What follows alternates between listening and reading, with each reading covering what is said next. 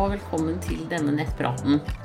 Eh, som du kanskje ser i, i feltet ved siden av her, så foregår den sånn at du legger inn spørsmålene dine på altformamma.no på ekspertsvaren der. Og så svarer jeg, leser jeg opp hvert og hvert spørsmål, og så svarer jeg fortløpende her. Og grunnen til at eh, jeg ikke kan svare på spørsmål på Facebook, er at da knyttes helseopplysninger opp mot personopplysninger, og det er ulovlig. Så det kan vi ikke ha noe av. Eh, og det er jo bra at, at, vi blir beskyttet. Det er jo en av kan si, sånn der, ulempene med å være gravid, er jo at man mister litt det der filteret på å dele. Eh, som på mange måter er bra, men som for så vidt gjør at man noen ganger kan si ting om seg selv som man kanskje ikke skulle ha gjort.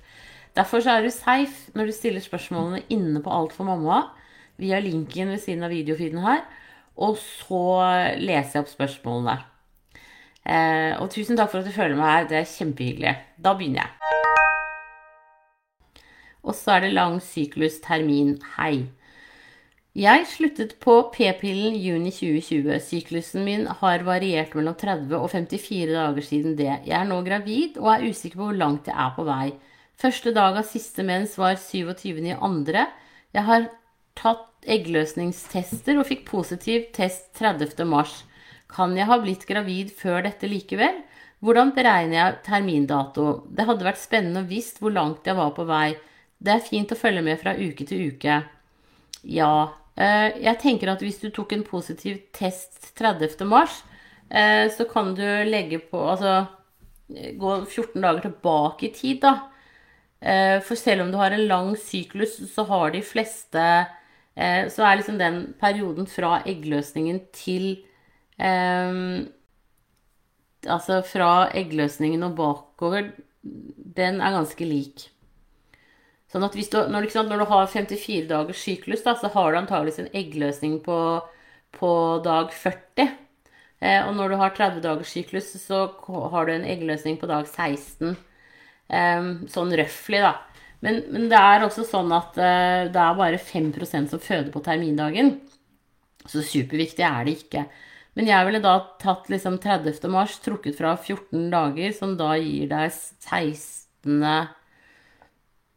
mars som første dag av siste mens.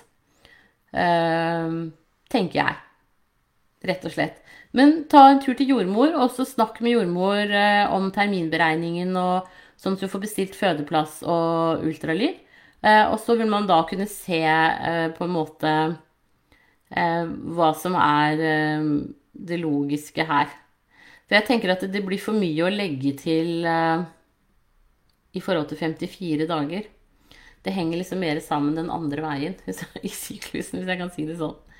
Men bestill time hos jordmor på helsestasjonen som du sogner til. Du kan bare gå inn i kommunen der hvor du bor, uh, og så finner du den der. Da ønsker jeg deg riktig lykke til videre, og tusen takk for at du følger med her. Ha det bra! Og så er det gravid spørsmålstegn som sier Hei, Siri. Jeg er bare nødt til å spørre. Lang historie kort. Tok ut p-stav august 2020. Har lavt stoffskifte som er vanskelig å regulere, og hadde syklus på 31 i januar. Men den har stabilisert seg og kommer likt hver måned siden. Jeg har prøvd å bli gravid siden januar 2021. Mars måned kom mensen to dager for tidlig, så appen jeg har konkludert med at denne måneden her, april, skulle være på 28 dager. Har syklus på 29. Hadde bank det er sikkert blankt. Eggløsningsslim ca. 14-15 dager etter forrige mensen, og skulle hatt mensen nå den 28., men den er ikke kommet. Stoffskifteprøvene er helt på bærtur, aldri vært så ute av kurs, og jeg har stikninger i brystene som kommer og går. Tisser 100 ganger, føler som om noen sitter på blæra. Kvalmen som kommer og går, ekstremt sulten, ekstremt trøtt. Vil være i uke fem hvis jeg er gravid, men det som er rart, er at alle testene er negative.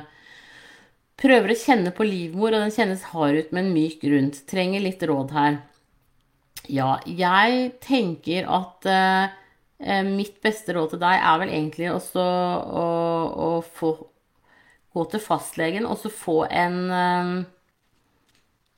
en henvisning eventuelt til en tidlig ultralyd eller en GU hos fastlegen. Eh, det som er, er at det er jo egentlig superviktig å prøve å få orden på det stoffskiftet ditt. Eh, fordi at det er, eh, er ikke bra at det skifter At det på en måte svinger sånn som det gjør. Så hvis ikke fastlegen din greier å få orden på stoffskiftet ditt, så bør du henvises til en eh, spesialist og få orden på det. Fordi at det er en av årsakene til at man sliter med å bli gravid.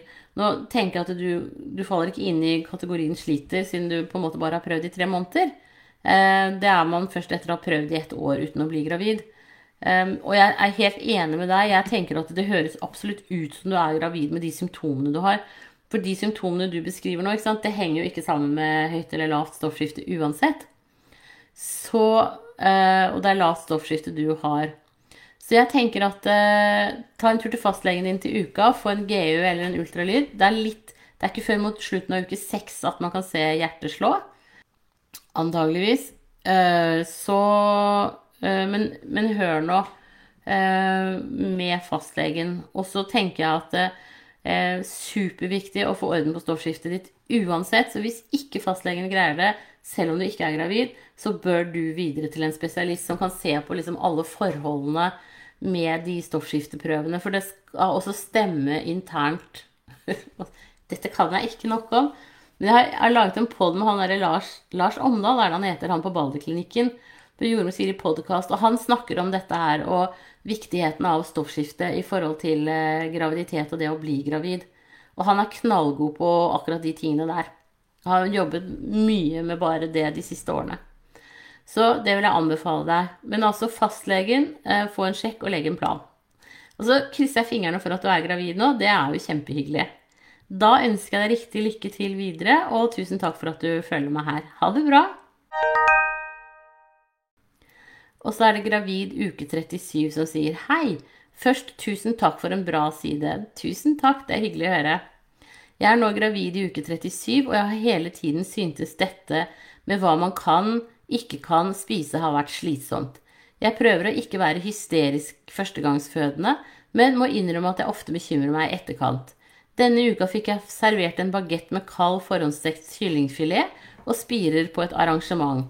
Etter at jeg hadde spist rundt halvparten, kom jeg på at både spirer og kyllingen kan være kilde til listeriasmitte, og jeg lot være å spise opp resten. Når jeg googler, står det flere steder, men samtidig står det jo ikke dette på myndighetenes nei-liste. Hvor farlig er det? Er det slik at jeg i dagene som kommer bør være ekstra på vakt etter symptomer? Og for å få listeriose må man da spise mye av en matvare som inneholder listeria, eller holder det egentlig med én bit for å bli smittet? Takk for svar. Ja, jeg tenker at sånn i utgangspunktet så behøver du ikke være redd for listeria her mat som tilberedes på profesjonelle kjøkken og sånn, er, de er kjempestrenge. De bruker hansker. Eh, de er veldig nøye med hvordan de lager maten. Sånn at sjansen for å bli smittet av listeria i Norge i dag er ekstremt liten. Så jeg syns ikke du skal stresse noe med det i det hele tatt. Uh, og det skal liksom store mengder listeria til for at, uh, at man faktisk skal Eller altså, ja. Det skal ikke store mengder til, for det er feil. Men, men det skal liksom ha utviklet seg litt, og, og, for å få til det, så skal maten på en måte stå med smitten litt. Eh, og jeg tenker at en, en kokt kylling, eller stekt kylling, den er jo, da er jo alle bakterier drept. Eh, bønnespirer er jo som regel Det er ikke noe farlig. Så jeg tenker at eh Ikke stress med det. Uh, og egentlig er, Du kan spise nesten all mat. Det er veldig lite man egentlig ikke kan spise som gravid. Så prøv å liksom få ned stressnivået. Eh, og også nå når du skal Siden det er uke 37, så spis variert når du ammer. Eh, for det er viktig i forhold til at eh, maten setter smak på morsmelken og gjør at babyen liker forskjellige typer mat når du skal begynne med fast føde etter hvert. Så prøv å ikke være superhemma på det du spiser videre fremover nå. Eh, da ønsker jeg deg riktig lykke til videre, og tusen takk for at du følger meg her. Ha det bra! Og så er det hodepine som sier hei, jeg er 20 pluss 2. Jeg har våknet opp i dag klokken 6 med veldig hodepine. Den er pulserende og ligger bak venstre øye og tinning, så det er bare på den ene siden. Den er vanskelig å ignorere. Jeg sliter en del med stiv nakke og stive muskler generelt, men spenningshodepinen er mer som et stramt pannebånd rundt hele hodet. Så dette er nytt. Paracet virker ikke. Hva tenker du dette kan skyldes? Kan det være den hodepinen jeg har hørt man kan få som gravid? Hva bør jeg gjøre? Jeg sover nok, drikker nok vann og spiser nok, så det er ikke derfor jeg har vondt i hodet. Hadde ikke dette da jeg var gravid med nummer én. Takk for svar. Eh, jeg syns at hvis du våkner opp med veldig hodepine, så skal du faktisk ta kontakt med eh, legevakten og så få det sjekket. Ehm, det høres jo ut som en type spenningshodepine, eh, og det kan være at du på en måte er over i migrene. Men jeg syns uansett at, at, at, du skal få sjekket det.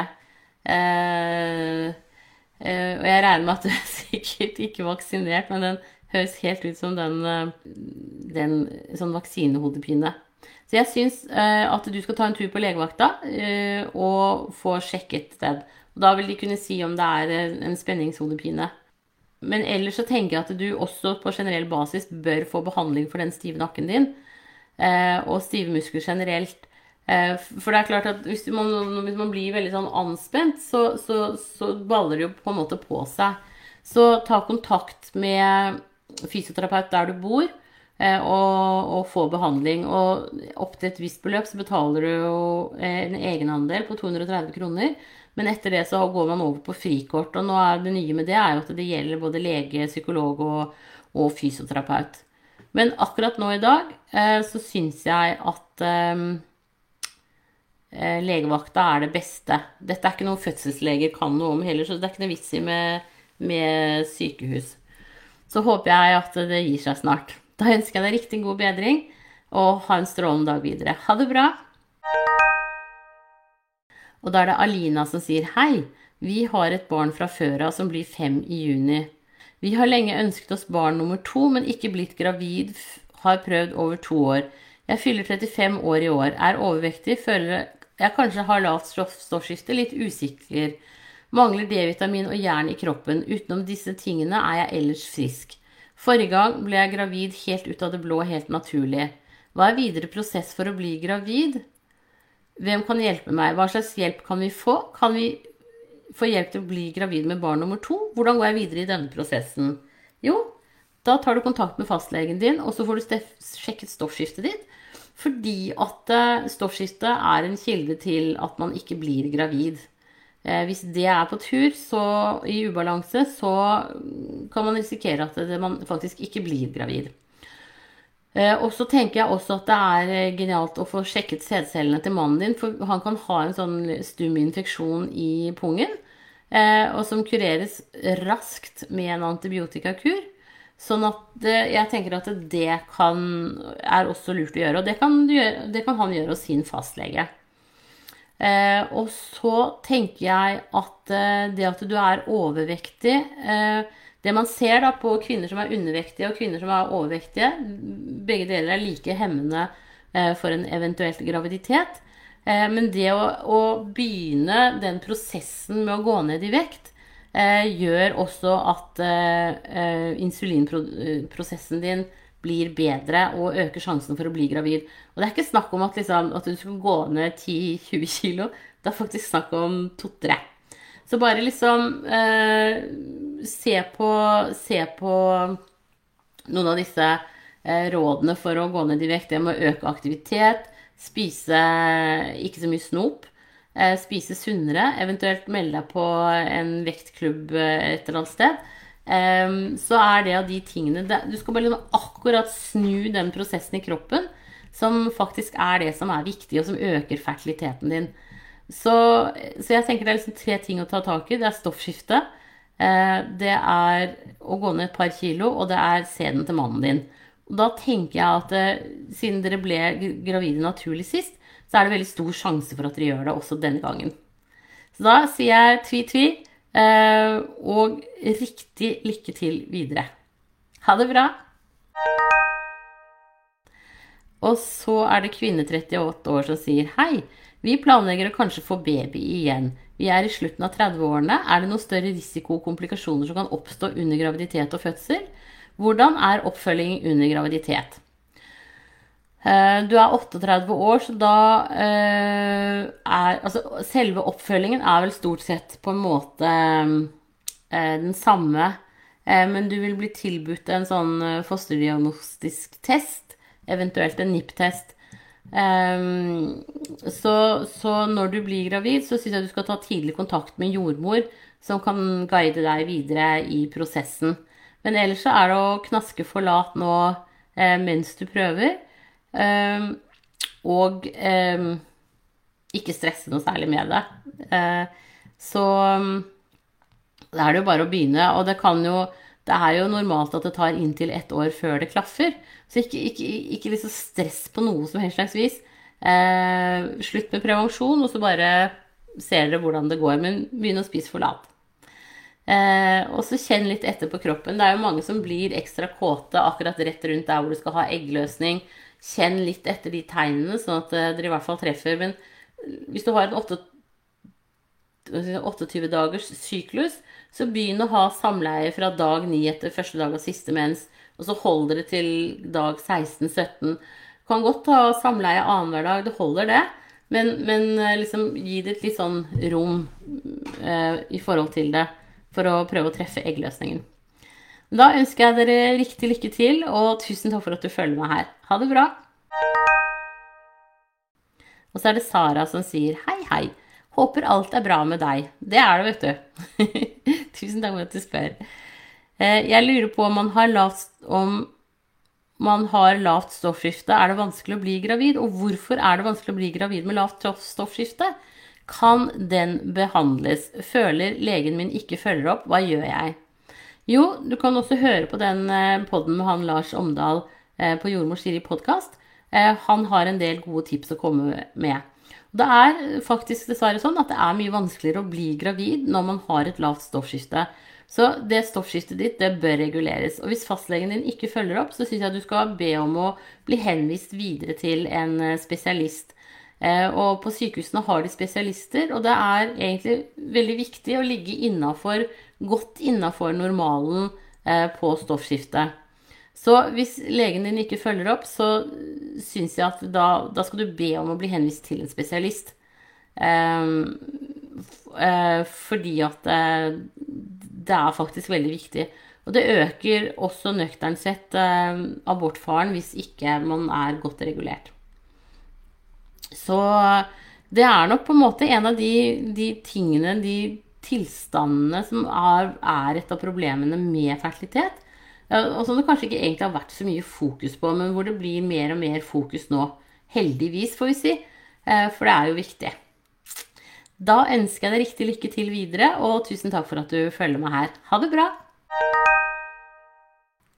Og så er det Shakila som sier Hei, Siri. Siden i fjor mars-april har min mens ble uregelmessig. I fjor fikk jeg ikke mens på et par måneder, og så begynte jeg å få, men veldig uregelmessig.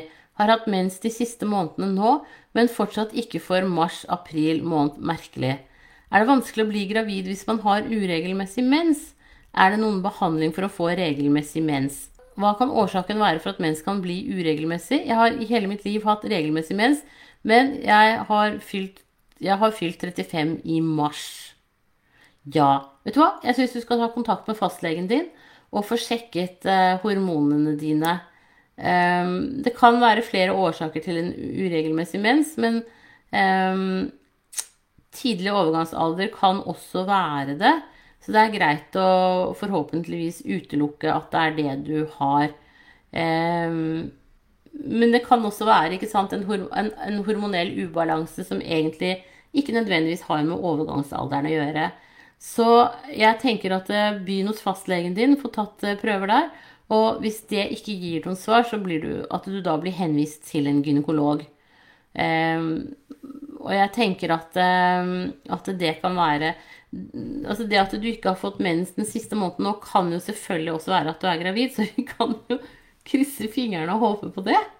Um, men jeg tenker også det der at det, når du ikke får på en måte mensen altså kan, kan det hende at du har vært gravid, og at du har Eh, flere tidlige aborter. Um, for det kan jo også oppleves som en forsinket mens. Så Derfor så tenker jeg at det er veldig kjekt for deg å ta rede på hormonene dine og, og, finne ut av hva det er som egentlig skjer med kroppen din. Og det er nok en gynekolog den aller beste eh, til å gjøre. Så hvis du har en gynekolog som du bruker allerede, så få time der. Eh, og rett og slett start på en utredning. og hvis du ikke har en fast gynekolog, så uh, begynner du hos fastlegen din, og så får du henvisning til gynekolog. Og da kan det jo være greit å gå til en, en gynekolog som er, er god på fertilitet, da. Da ønsker jeg deg riktig lykke til videre, og tusen takk for at du følger meg her. Ha det bra! Og så er det ultralyd som sier hei, jeg var på KK for å få vite kjønnet på barnet. Far kunne ikke være med pga. restriksjoner, så spurte om hun kunne skrive kjønnet på en lapp, så vi kunne se på den sammen. Hun satte seg helt på bakbeina og sa at hvis hun ikke kunne si dette til meg muntlig, så fikk jeg ikke vite det. Hun kunne ikke skrive dette ned på en lapp pga. at det var medisinsk info. Er ikke dette veldig rart og slemt? Midt i den verdenskrisen vi lever i, synes vi gravide lider nok som det er, enn at det ikke kan være litt behjelpelig. Har skjedd med tre andre jeg kjenner også. Ja, her er, er man nok, tenker jeg, liksom litt sånn derre Det som antakeligvis har skjedd med den jordmora, det er jo at det er jo ikke 100% før man ser babyen. Eh, før du har født at, eh, at man vet kjønnet. Eh, og faktisk noen ganger så kan det være vanskelig da òg. Men det å si det muntlig er liksom litt mindre bindende enn å si det eh, skriftlig. Eh, og det er klart at, eh, at eh, det Man kan helt sikkert si at det er medisinsk info. men hvis du Hvis man ser på liksom de der skrivene fra Eh, fra ultralyden som alle får sånn rutineultralyd, så er det ekstremt sjelden at det står skrevet babyens kjønn.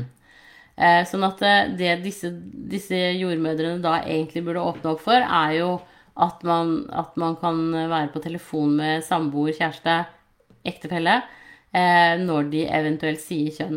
Eller så kan man jo gjøre det på gamlemåten, som jeg nevnte tidligere i dag. Ikke vite kjønn i det hele tatt, og ha det som en felles overraskelse Eh, det er også fullt mulig. Eh, sånn var det jo før, inntil for ca. 30 år siden. Da var det ingen som visste kjønnet på babyen. Eh, og det var alltid en overraskelse. Og jeg har truffet flere nå som ikke vil vite det før babyen kommer. det, det er, jeg er liksom litt sånn der tiltrukket av den tanken, faktisk. Jeg er litt gammeldags akkurat der. men når det gjelder disse jordmødrene som, som gjør ultralyd, Eh, så, så er nok det sammenhengende at det på en måte Det er et av de områdene hvor man faktisk ikke vet 100 før babyen er der, og man vegrer seg derfor for å skrive det ned. Jeg tenker at det er det det handler om. Jeg syns ellers at ideen er jo knallgod, da. Eh, at man kan liksom åpne den sammen. Og du har jo det derre baby gender reveal party som du ser på YouTube og sånn, hvor folk eh, og skriker og sprekker ballonger, og det detter ut rosa eller blått. Um, men, uh, men uh, ja. Jeg skjønner Jeg har også litt forståelse for den jordmora. Det må jeg innrømme. Men da ønsker jeg deg riktig lykke til videre, og tusen takk for at du følger meg her. Ha det bra!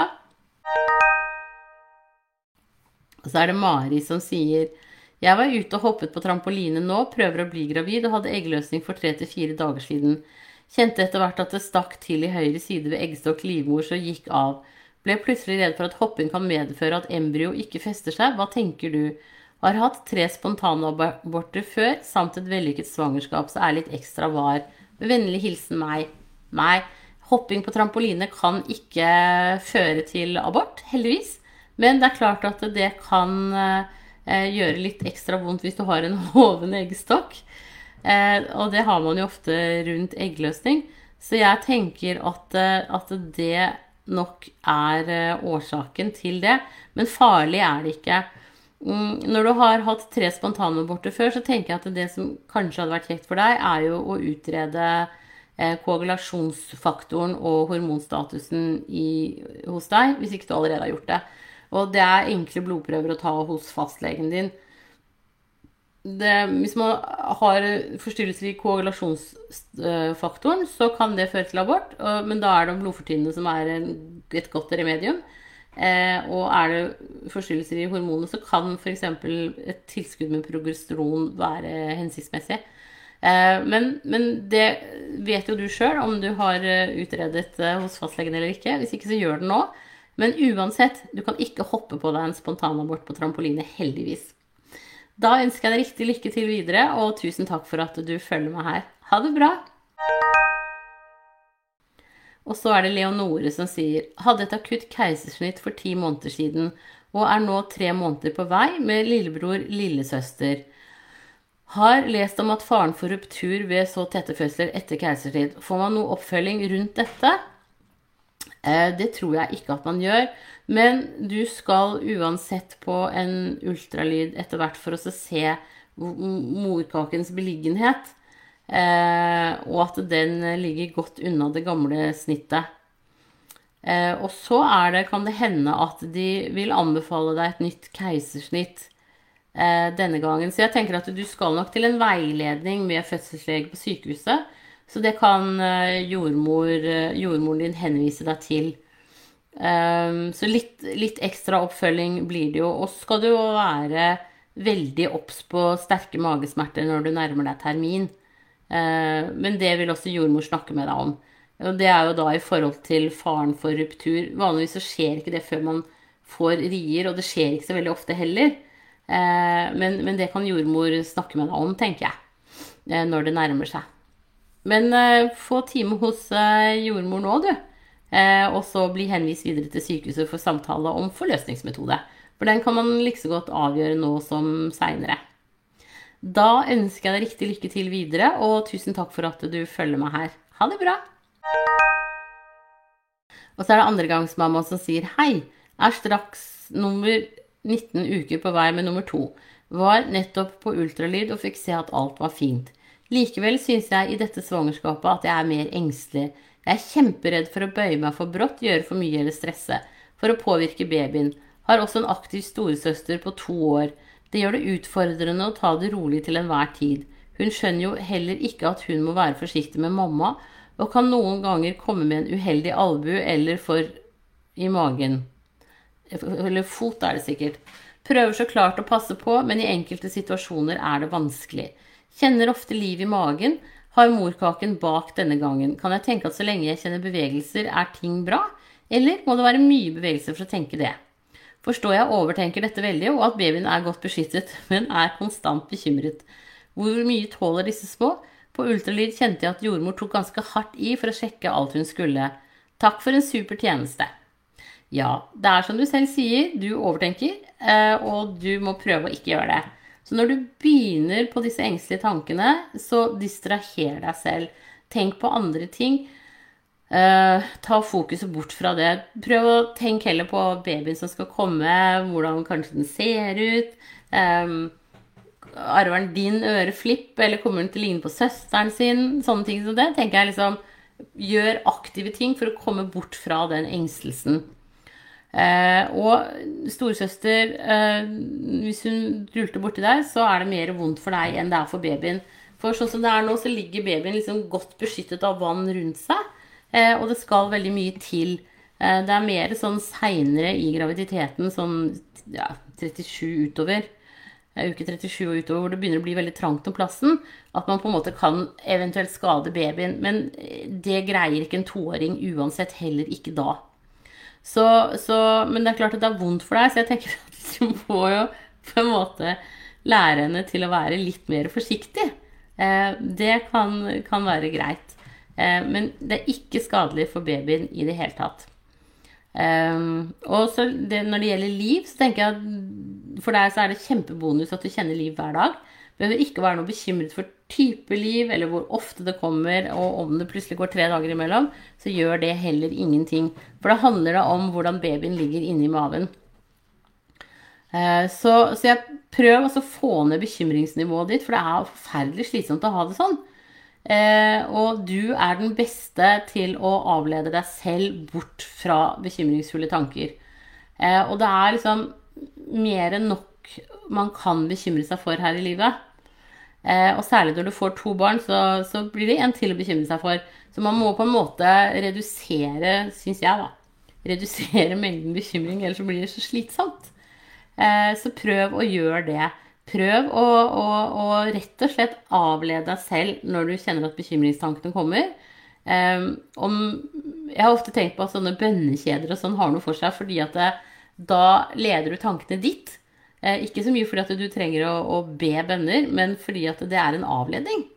Eh, så jeg eh, bruker jo ikke noe sånn religiøst, jeg bruker ikke bønnekjeder heller, men jeg, i perioder så har jeg gått med en sånn liten stein i lomma. Altså gjør et eller annet sånn som på en måte eh, får tankene bort fra de litt slitsomme tankene. Eh, det tror jeg er mitt beste råd til deg. Men babyen har det superfint. De tåler veldig mye. Og som du sier, jordmor tok hardt i det, og vi tar ikke hardere enn det vi kan. Det er vondt for mor lenge før det er vondt for babyen. Så riktig lykke til videre, og tusen takk for at du følger meg her. Ha det bra! Men da var det det siste spørsmålet. Uh, og da må jeg bare si tusen takk til alle dere som følger meg her. Det er superhyggelig. Uh, og dere må ha en strålende 1. mai videre. Og så er jeg nok tilbake neste lørdag igjen, tenker jeg. Uh, så i mellomtiden må dere kose dere masse. Og så, så snakkes vi rett og slett etter hvert igjen. Ha det bra!